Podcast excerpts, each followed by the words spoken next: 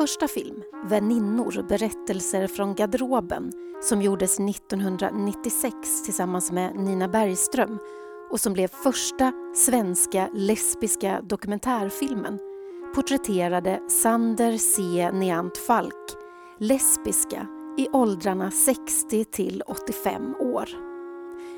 I nästa dokumentär satte Sander videokameror i händerna på queera tonåringar som filmade sina liv.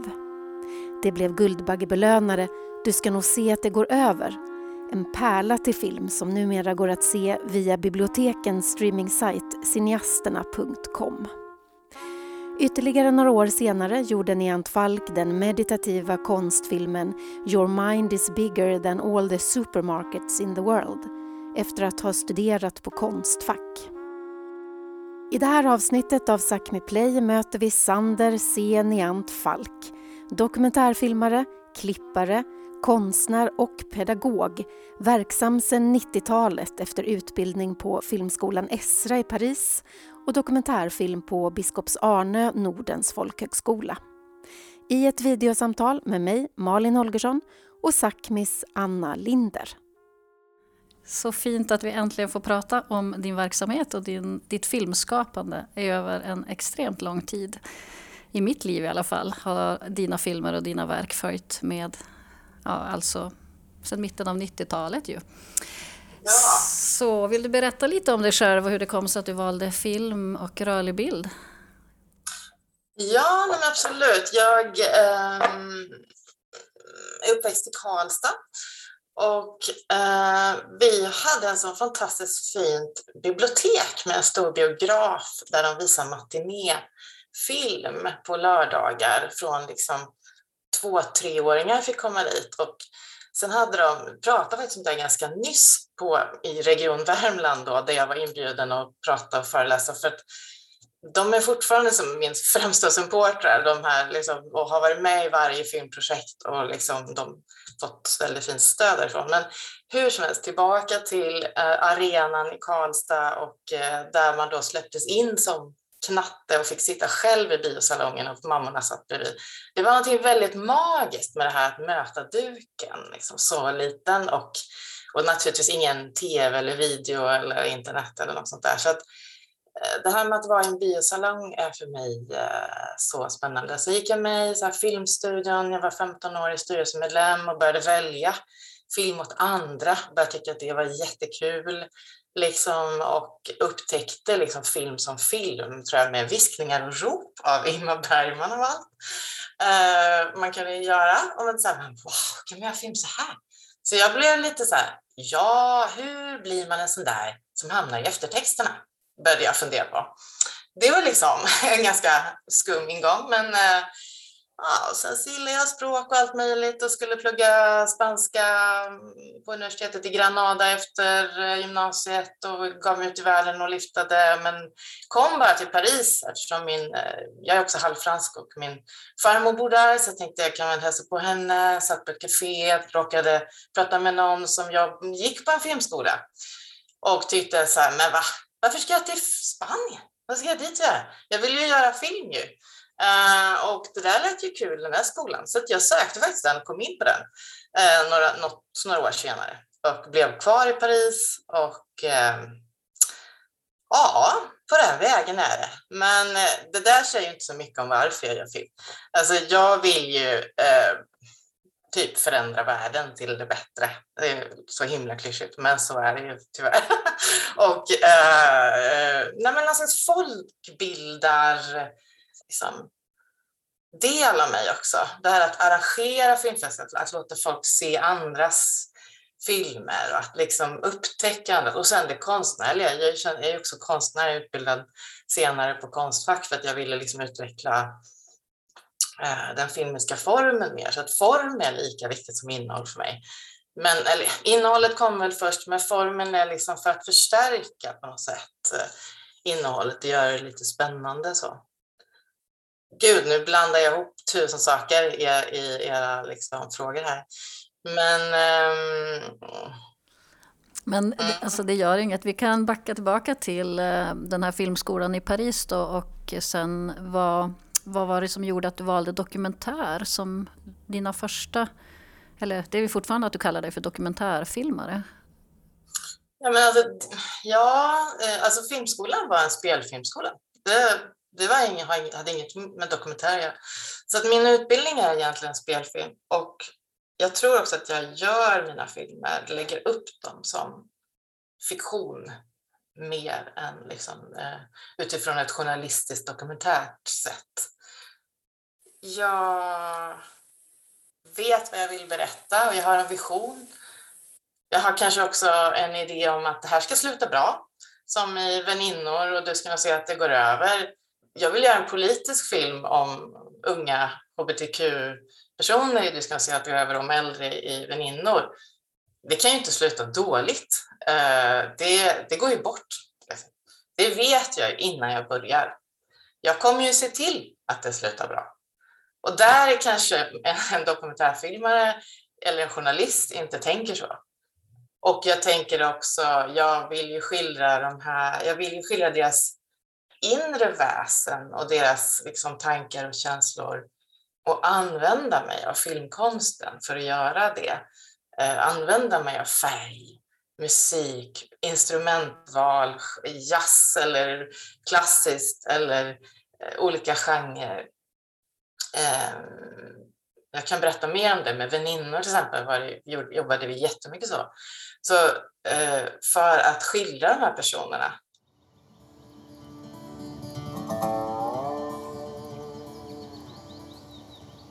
Jag förälskar mig då i den ena och då i den andra kvinnan. Jo, det, det visste jag. Men hur det skulle gå till, hur jag skulle kunna bo tillsammans med en kvinna, hur jag skulle hitta en kvinna som också skulle älska mig, det visste jag ju inte. Men däremot så försökte jag förföra den ena efter den andra. Om vi då backar lite till det där med väninnor. Eh, vill du berätta hur den tog form och hur det kom sig att du som en väldigt ung filmskapare väljer att göra en film om de här personerna som måste ha varit 60 år äldre än dig?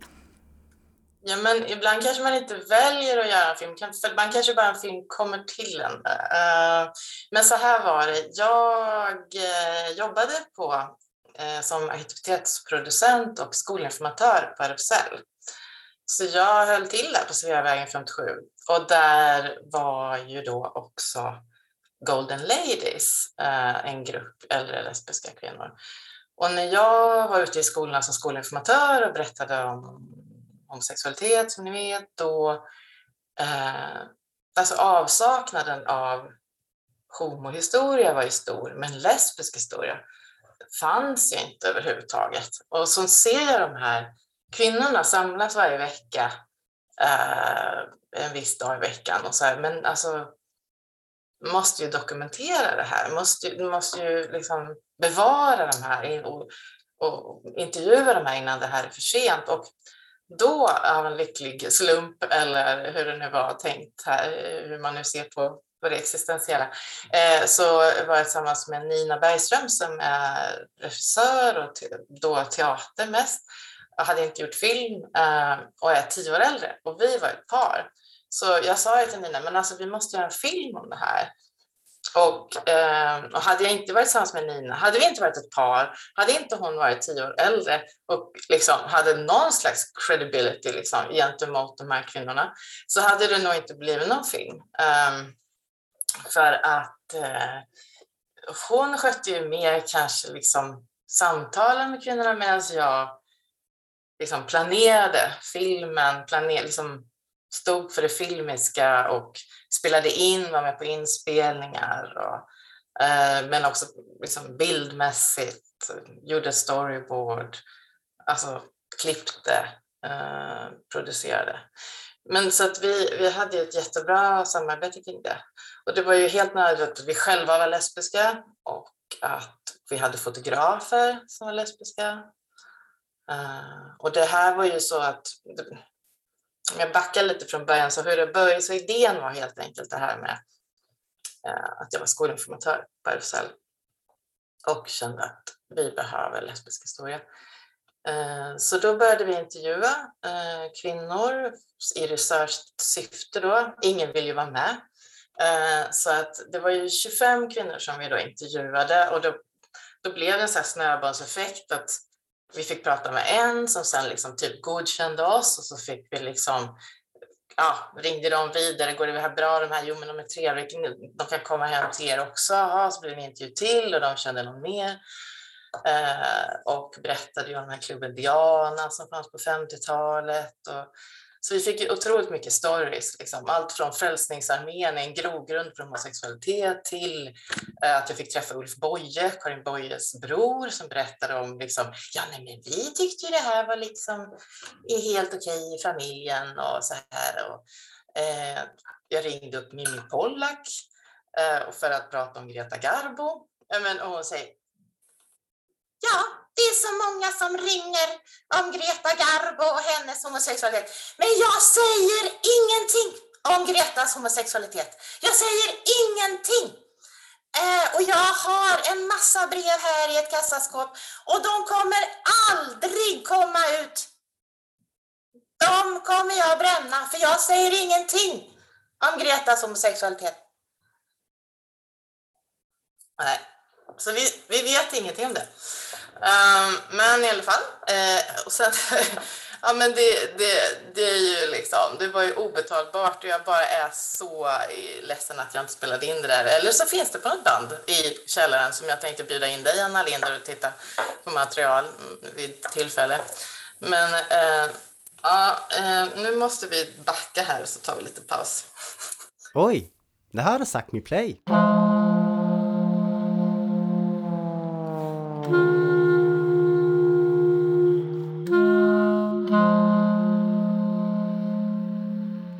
Men var det så alltså att de flesta tackade nej först att delta i den här dokumentären? Ingen! Ingen ville vara med.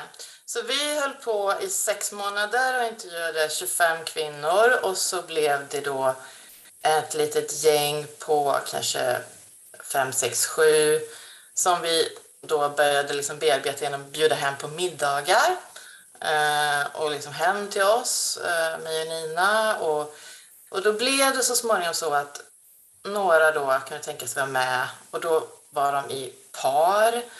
Jag tror att det var liksom en förutsättning för de här som, hade, som tvekade, som var ensamstående. De eh, liksom föll ur. Jag tror de orkade inte riktigt. Ja, men det här är så otroligt mycket skam och hemlighetsmakeri som de har liksom levt igenom. Um, och vad pratar vi för tid nu? Alltså vilket årtionde? Vi, ja, det här drog igång 94 och filmen blev klar 96. Så att det här var ju då en process på kanske ett år att liksom bara bli klar med vilka som skulle vara med, eller i alla fall ett halvår. Men, och att de hittade kraft hos varandra, så det blev en grupp som lärde känna varandra. Liksom. Och sen hade jag en sista fråga. Förlåt Anna, vi får slåss om micken här.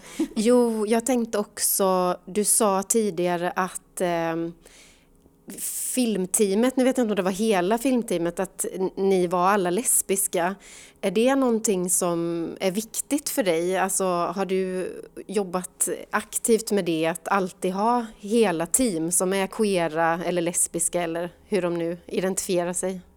Nej, inte sen. Uh, jag tycker där har det mer handlat om en, en bra inställning och ett bra samarbete liksom, eh, och förtroende. Så till exempel, det var en, en ganska ung eh, heterosexuell man som, som jag klippte Du ska sätta gå över tillsammans med, som hade klippt naturfilm. ingen dialog innan. Men det blev topp för att eh, för vi, han hade en sån schysst fin inställning och jag var väldigt fri att göra vad jag ville och han var väldigt stöttande. Eh, så liksom, har du klippt om allting nu igen? Ja, okej, okay, ja men då, då kör vi på här liksom. Så att det, det, och samtidigt hade han hjärta verkligen och en jättefin humor. Så eh, nej, det är inte, det, jag tror det är viktigt att, man, att ha ett inifrån perspektiv. Att ha en queer blick. Liksom. Eh, och han hade det, liksom. eller kunde förstå vad det var. Eh, men jag hade också kontakt med en klippare innan till exempel, en, en eh, jätteerfaren, eh, också i och för sig straight kvin eller kvinna, eh, men som jag upplevde skulle liksom tagit föräldrarnas perspektiv i Du ska se att det går över och inte liksom de unga tjejernas. Eh, så. Och det blir ju fel. Då kan jag inte släppa klippningen till en sån person. Så, så jag tror att det handlar, alltså den unga, unga, unga mannen kunde identifiera sig med tjejerna, men det kunde inte hon. Eh, mm. Det här är en långt svar på den där frågan. Jag skulle jättegärna bara vilja veta lite kring hur ni jobbade i rummet och med de här personerna eftersom ni filmade på film och du säger 16 mm, det är ju väldigt speciellt. Eh, vill du berätta lite om det? Ja men absolut. Eh, själva filmerna var ju väldigt planerad, filmningen var ju väldigt planerad. Vi hade storyboard, eh, det var fem kvinnor och utmaningen var ju att berätta fem kvinnors långa, över 70-åriga liv på 55 minuter och ha lite paus emellan gärna. Ehm, så det blir inte många minuter kvar. Ehm, så då gick vi tillväga så att vi gjorde en lång intervju. Ja, först en researchintervju men sen en, en eh, lång intervju på ljud. Jättefint så här eh, liksom fin mikrofon, radiomikrofon, bra förhållanden, väldigt nära. Eh, I fyra timmar kunde vi sitta liksom med, och bara liksom prata. Eh, så en lång ljudintervju och utifrån den så, ja, så jag skrev ut allt transkriberat material så jag hade det i text och sen liksom gallrade ut och såg liksom okej okay, det här är berättelsen och, vill, och så valde vi en miljö och en eh, för varje kvinna, ibland två, men till exempel Frida får gå på Moderna Museet på promenad. Det hon kommer från Ukraina, krig. Ehm, då så vi tog liksom när, vi, när de byggde Moderna Museet, så det är liksom en byggarbetsplats å ena sidan och sen blir det en eh, liksom fin liten promenad vid Nikisenfall och de här kvinnorna eh, svulstiga Så vi försökte hitta en miljö som innehöll kanske både det svåra och det ljusa. Eh, och ja, som till exempel Abbe, hon fick då liksom gå, vi åkte ut med henne till Landsort. Eh, hon var kanske den som hade mått sämst, varit ensammast och liksom, så vi tänkte också i färger, så hon skulle vara blå och då tänkte vi havet och himlen. Och hon gick ner till vattnet, hon står liksom i mörkret och håller på att hoppa i. Eh, för att hon berättar ju om liksom en djup ensamhet och liksom självmordstankar. Och sen så vänder det liksom när hon eh, kommer i kontakt med andra kvinnor. Och, och den här berättelsen visste vi ju, så då, och då kommer ju solen och det blir liksom eh, glitter på vattnet och så vidare. Så, att, så vi försökte hitta miljöer som innehöll ljus och mörker. Så dramaturgin är väldigt mycket liksom från mörker till ljus. Ehm, och färger. Så Frida är röd, Abbe är blå, Eh, Ellen hon är ju gift med en eh, man och lever där och är någon slags eh, hushållerska, eh, housekeeper liksom. Där han är, har pengar, där är, hon har guld, hon har guldramar och eh, liksom tjusiga mattor och hon får städa i filmen liksom, för att visa upp det här hemmet men det är också den här motsättningen, det fina hemmet som hon städar i. Eh, ja, nu ska vi komma till eh, lite mer eh, hårda frågor. Ja. Nej, jag tänkte då när du berättade om det här och det var eh, så precis allting hur du tänkte ut hur du skulle jobba med intervjuerna och filmningen och så och 16 mm film. Och det är liksom ingen billig sak att göra film på det här viset. Så hur gick ni tillväga med, det här är ändå Sveriges första lesbiska dokumentärfilm som har gjorts på det här viset och som har gått upp på bio. Hur, hur gick det till? Att ni fick möjligheten? Ja, om vi backar lite där så, så i själva idén när vi hade fått den, eller liksom tänkte det här, det här måste vi dokumentera, eh, så eh, hade jag liksom sett lite film ju och ett namn som dök upp liksom hela tiden var Lisbeth Gabrielsson i så här, producent och stöd och från Filminstitutet och sådär. Eh, och nu, jag kan inte minnas exakt hur det var, men jag hade hennes namn i huvudet och vi gick runt på Filminstitutet av någon anledning, jag och Nina, i korridorerna där. Och jag minns det verkligen som att vi bara går förbi en korridor och ser då Lisbeth Gabrielsson stå liksom, som namn på väggen, växthus. Eh, hon var då konsulent för växthuspengar, ny, nya filmare. Eh, men vi hade ingen aning om vem hon var. Jag hade bara sett liksom hennes... Så vi knackade på så här och tänkte, men hej, ska vi, liksom, vi har en idé, kan vi ta en kopp kaffe? Vi skulle gärna vilja prata med dig. Hon blev väl ganska så här, bara av ren chock och förvåning, eh, gick med på det här. Så vi satt liksom där och pratade lite och tyckte det här lät som en jättebra idé. Och vi bara så här, men vad kul, vad roligt eh, att du gör det. Sen, ja, sen visade det sig att hon också var lesbisk, men det visste vi inte då. Eh, men hon tyckte väl det här var det bästa hon hade hört på väldigt länge, eh, efter vad jag förstår, eftersom, efteråt. Ehm, men hon var ju också då medveten om att vi var ju helt oerfarna filmare som bara dyker upp eh, och inte har en aning om hur hyfs, liksom, hur man gör. Och sa att ni måste ha en producent. Och jag har ett namn här, ett förslag liksom. Så, så då blev det så. Vi fick en producent och det blev den som Lisbeth förestod.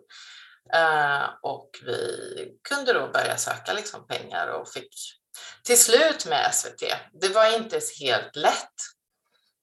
Uh, jag satt i flera möten med en uh, lite äldre man som sen gick i pension och försökte förklara det här, varför det här var så liksom, viktigt efter några samtal och vi liksom, han var trevlig och vi hade trevligt. Så säger han så här, men alltså min dotter säger att jag inte förstår någonting om det här med homosexualitet och det kanske är så. Och jag bara, ja. Men just därför kanske du bara ska säga ja nu då. Tyckte jag. ja men lite så blev det och han bara, ja kanske ändå att jag gör så då. Liksom. Men det var en lång resa och det var ju också en ganska knepig klippprocess eftersom vi hade ju då inte så mycket pengar. Vi tog, hade 10 timmars eh, filmmaterial på 16. Så, hade, så planerade vi inspelningen väldigt noga eftersom vi hade så lite. Men det är ändå ganska lite material att välja på liksom, och att få det att stämma med de här berättelserna. Och så var det ett väldigt hårt redigeringsarbete. Jag menar, jag satt verkligen med kanske en halv mening här och en halv mening där och kopplade ihop för att eh, skapa liksom de här liksom, eh, livsberättelserna. Man, man visste om att det fanns homosexuella män. Kvinnor såg man inte, hörde man inte. Eh, män var mera, på något vis mera synliga och straffades också. Alltså de stora straffen som koncentrationsläger och sånt, det gällde ju männen. Och därifrån kommer också att kvinnor, de, det visste man ingenting om. Och, och kvinnor kan, kan gå obemärkta förbi, just som väninnor. Det är mycket fina arkivbilder också och deras egna album, foton och så. Hur eh, jobbade, ja, hur jobbade ni med det? Ja, men vi bad ju få se deras foton och, och, och fota av. Och det är ju en kvinna i filmen som, eller en kvinna som inte är med, eh, men som vi intervjuade, som har mycket av det här materialet från Diana.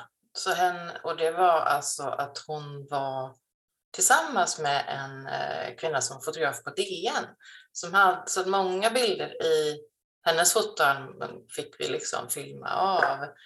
Och en hel del jag minns inte om vi letade. Jo, det fanns ju också stora koffertar i RFSLs eh, arkiv som jag satt och, och grävde i då, som, eftersom jag ju jobbade där också hade tillgång till det arkivet.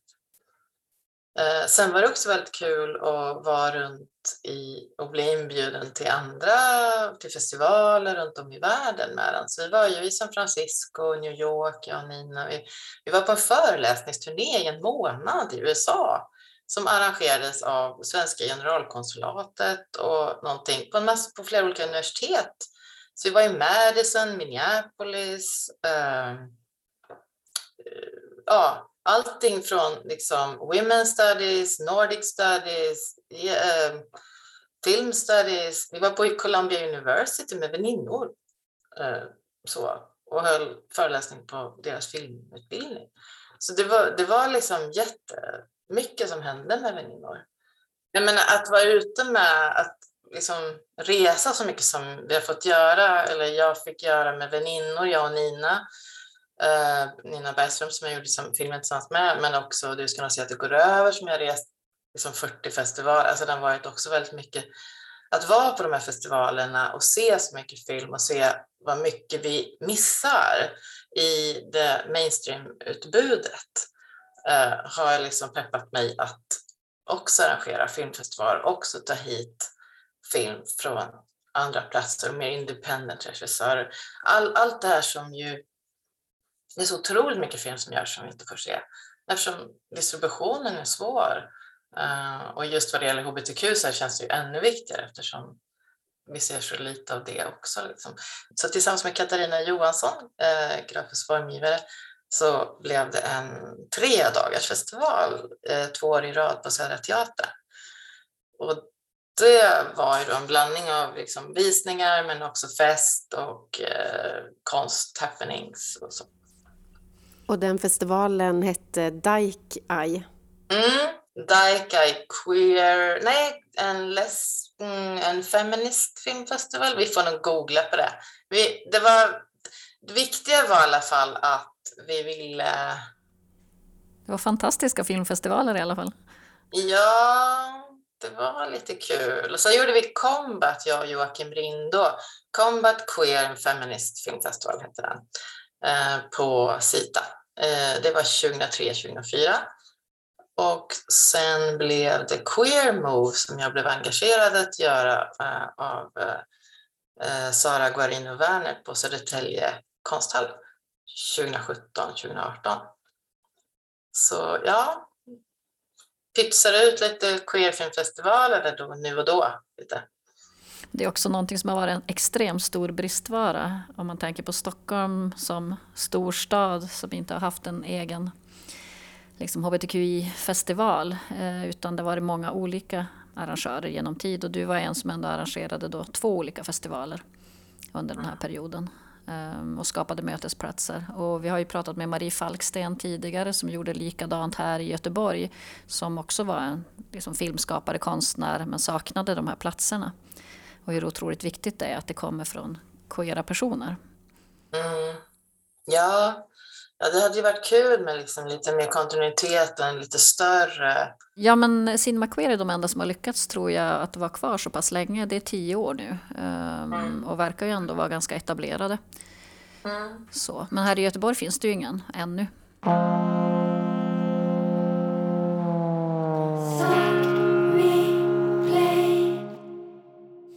Peter, skulle vi kunna prata lite om eh, din andra film? När du då hade gjort den här filmen Väninnor om äldre människor så valde du att göra en film sju år senare om väldigt unga personer.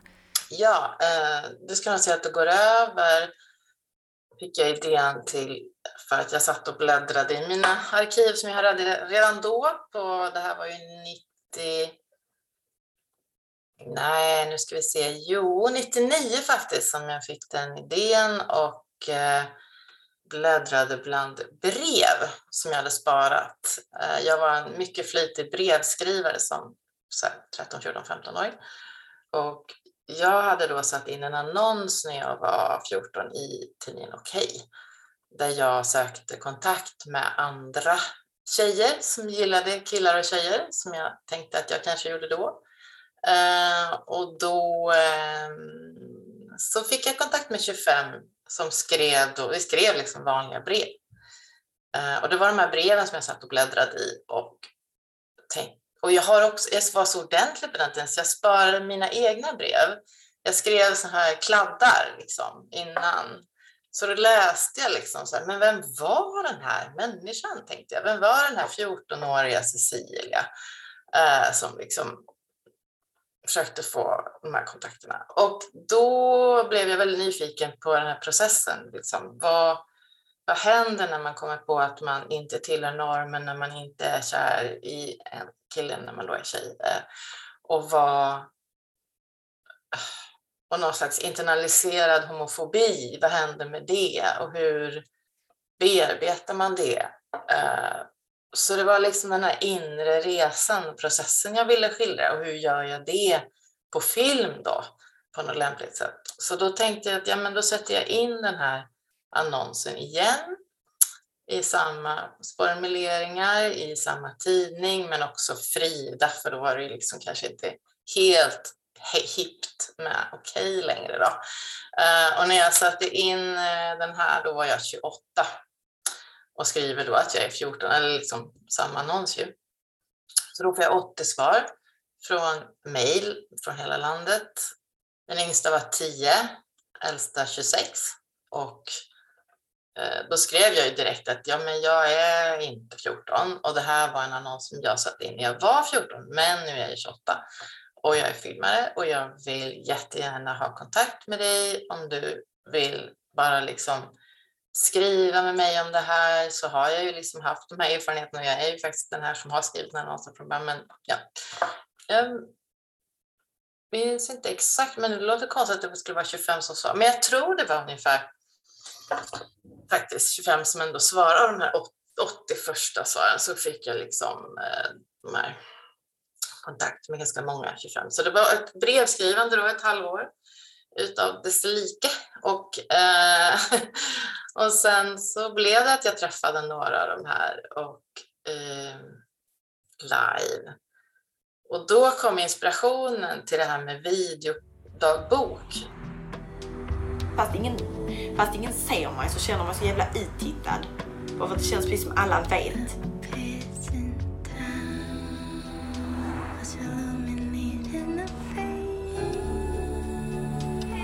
Varför ska just jag må så jävla dåligt vissa dagar? Och varför ska just jag sättas i sådana situationer och folk frågar hela tiden vem jag gillar? Alltså vilken kille jag gillar när jag inte gillar någon och alla tycker man är skitkonstig.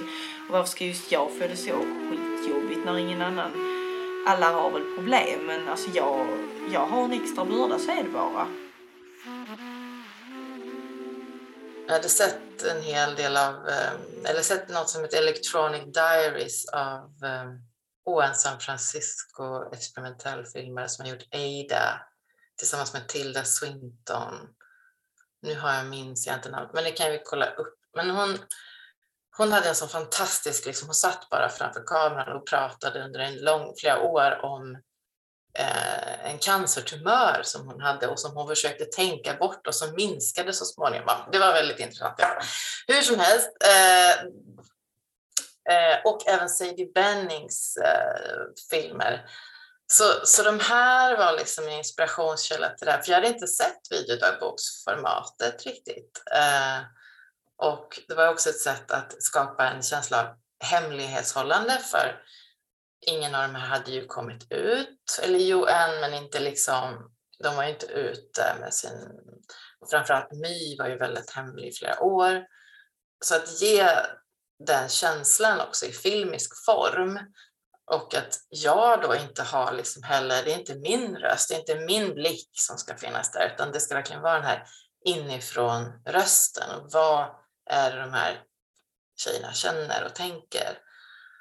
Men eh, så då, då hade vi en liten kamerakurs liksom. Ehm, och, eller bara ett papper också där jag liksom tänk på ljuset, tänk på att sätta dig framför någonting som betyder någonting för dig. Eller, ehm, så, här. så då lånade jag ut kameror och gav frågor och sen så kanske jag åkte till Landskrona och bodde på vandrarhemmet där och eh, Mi fick kamera och fick gå hem och filma och så.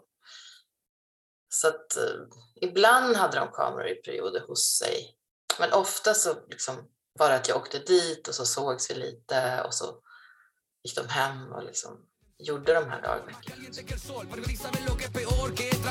Första gången överhuvudtaget liksom man kysste en tjej vet jag, då, då var det då var det som wow, det här är liksom det det här är vad jag kallar det här att kyssas. Liksom. Det, allting föll på plats på något sätt. Det här är som, det här, det här är, jag är den här liksom.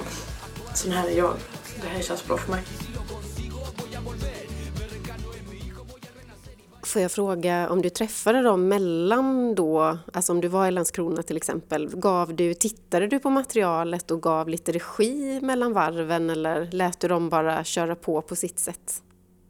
Nej, nej, jag gav, nej, inte regi så sett. Men däremot så hade jag ju liksom också planerat filmen väldigt mycket innan.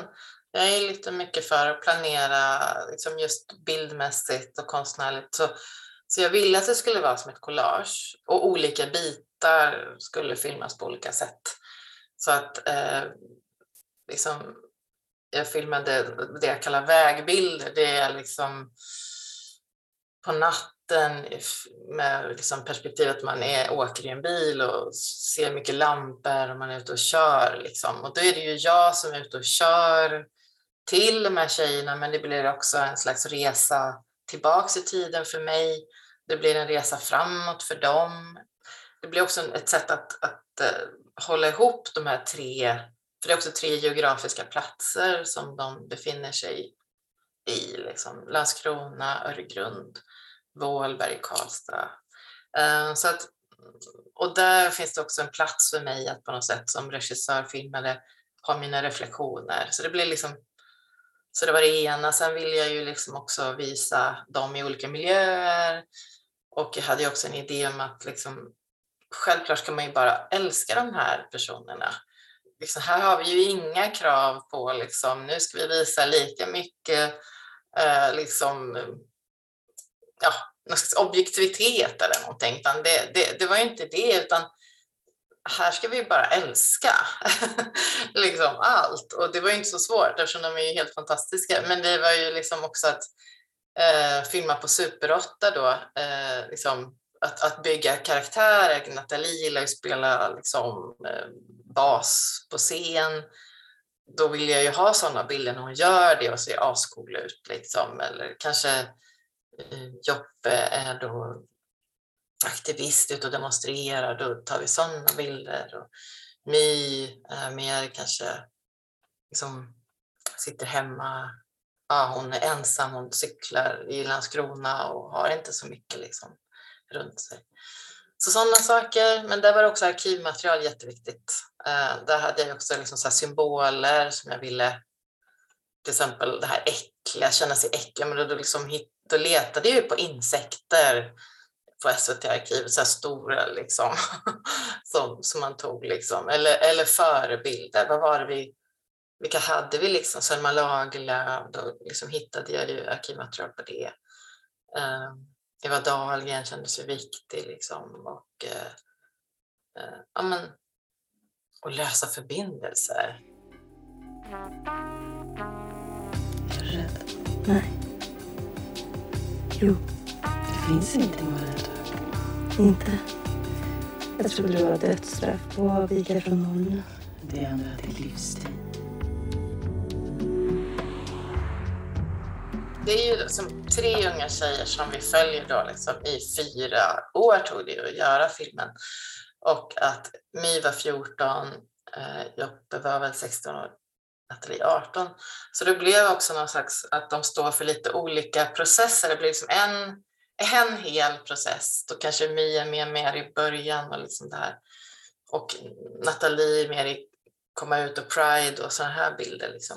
Att det är en sån inneboende fantastisk dramaturgi i komma ut-processen som ju liksom inte, som är obetalbar på något sätt. För det handlar ju om att liksom ta sitt innersta på allvar och liksom även om det går emot omgivning, konventioner, även om du liksom blir sedd, så, så hur kan liksom kärlek vara fel? Hur kan det bli fel? Liksom, eh, det går inte. Det är så tacksamt på ett sätt också.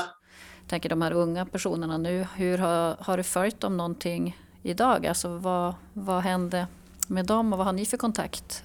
Lever de fortfarande i sina lesbiska relationer eller vad hände? Nyfiket. Ja, jo men det, så är det ju. Och det är ju det, nej, men vi har haft jättefin kontakt och eh, de har fått väldigt mycket positivt från filmerna, liksom vad jag har hört. Det var ganska tufft för Nathalie eh, som vars liksom, föräldrar kanske inte var så glada åt det här. Och det är ju såklart jättespeciellt. Här har man liksom typ haft SVT hemma hos sig i liksom några år och nu ska det här liksom visas på tv och liksom ens familj. Och, uh, så det var klart att det var ju också en, en väldigt stor osäkerhet under filmskapandet. Att hur ska det här bli? Och självklart har jag sagt att ni kan ju hoppa av när som helst och ni har ju inte skrivit på några lesbiska kontrakt här liksom, utan åt det ena eller andra hållet. Liksom. Men så det, det, det, har, men det, det blir ju väldigt bra, liksom. alltså, väldigt fin respons. Mm. Du sa, kallade det för SVT-filmen. Var det alltså en SVT-produktion från början? Um... Nej, men alltså jag menar både Filminstitutet och SVT, men också Danska Filminstitutet, eh, Nordisk Film och TV-fond. Alltså, det ska säga att gå över var ju verkligen hade ju en, en massiv finansiering. Jag kollar på Wikipedia nu, det står att det är en finländsk, dansk, svensk film. Och det är lite intressant. Men det, det är ju för att det var olika samproducenter inblandade. Uh, och att vi gjorde olika delar och så här. Vi spelade ju också in, alltså det kändes också, en annan viktig sak med Du ska säga över vad det gäller unga tjejer och lesbisk sexualitet är ju att vi vill ju också ha med, eller jag vill ha med aspekten uh, sex. Uh, liksom, erotik, närhet. Liksom. Inte bara puss på kinden eller hålla handen. Eh, och då, då gjorde vi ju helt enkelt sådana bilder också. Nu ser det ut lite som arkivmaterial i filmen och det är väl kanske vad man läser det som. Och det är helt fine också. Eh, det kändes bara viktigt att det skulle finnas med och det är ju inte de tjejerna som berättar eller som är huvudpersoner som som är liksom aktörer på dem, men att det fanns med. Liksom. Och där, det gjorde vi. Då hade vi en dansk fotograf till exempel, så var de danska pengarna som gick till det. Och liksom, äh, ja, lite så. tänkte på de här filmerna som nu har varit ganska svåra att komma åt äh, att se idag. Vad händer just nu med dina filmer? Vill du berätta? Ja, de har ju liksom funnits på DVD hur länge som helst bara. Eh, och eh, liksom gått upp såklart beställa fram på 35-kopior och sånt eh, för visningar. Eh, men nu så har Svenska Filminstitutet en satsning där man då digitaliserar angelägen, viktig svensk film och bevara för, eller för att hålla tillgänglig. Eh, och eh, så då har då både väninnor och Du ska nog säga att det går över valts ut som eh, film som man vill tillgängliggöra även framöver. Och det känns ju jättekul. Så nu eh, har då, nu ska jag säga att det går över, mm, just haft nypremiär på cineasterna.com som ju är då bibliotekens eh, streamingtjänst. Eh, alla bibliotek är inte anslutna tror jag, men eh, för Stockholmare måste till exempel skaffa ett bibliotekskort på Filminstitutets bibliotek för att få eh, tillgång. Eh, så det är ett tips. Eh, men eh, annars så har jag ju givetvis Folkets Bio som distributör och eh, ja, där går det att se dem. Väninnor ligger i pipeline, kanske blir eh, cineasterna. Men den är i alla fall ah, digitaliserad och ljusat nu. Eh, och eh, bara förra veckan. Eh, så jag hoppas att cineasterna tar den också. Det kan ni ju försöka se till. Är det någonting du skulle vilja berätta om lite extra på slutet? Ja, jag skulle faktiskt vilja slå ett slag för Your mind is bigger than all the supermarkets in the world. För det är ju faktiskt en film om buddhist buddhistisk filosofi. Eh, det är samtal med en meditationslärare som heter Utbulga Mage och den är inspelad på Sri Lanka. Och den gjorde jag när jag gick på Konstfack eh, som ett liksom experiment. So my uh, first advice is please come outside, don't be alone. Uh, just come outside and feel the nature, feel the earth, feel the trees, feel the flowers, feel the water, and it helps you to remind you that you are not alone.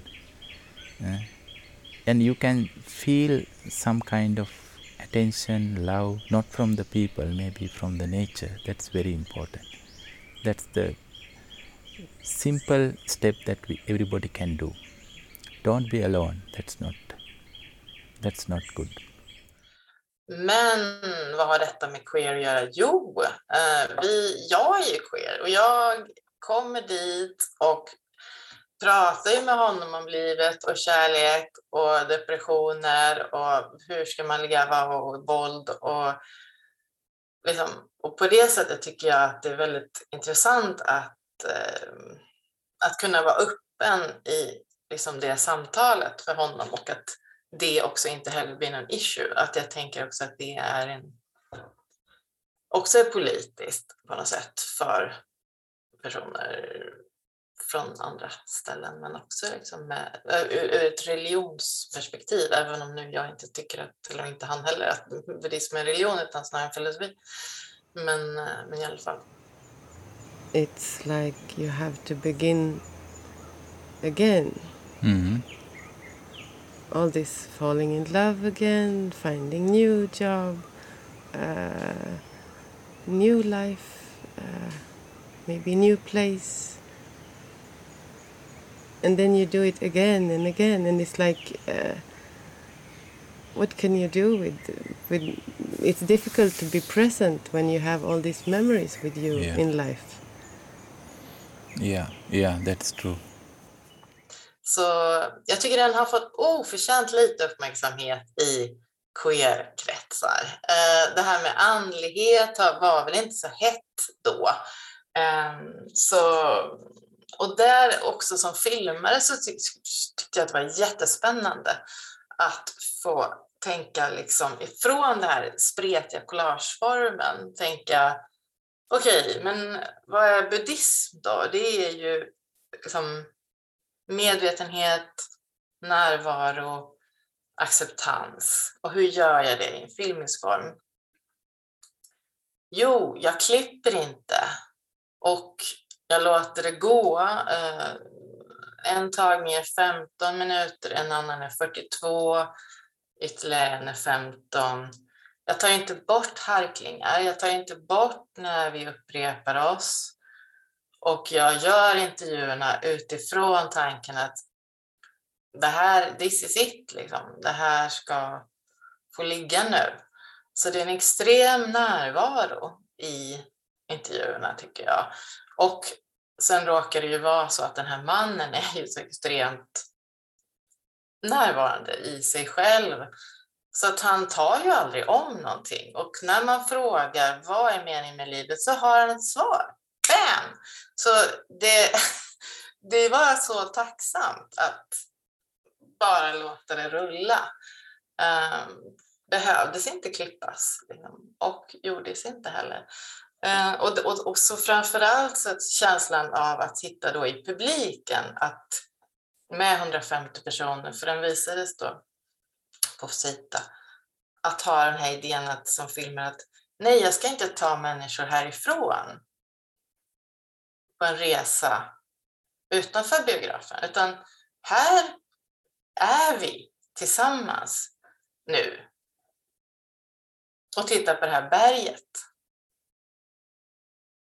Och det händer ingenting. Liksom. Det är kanske tre minuter tystnad i början till och med.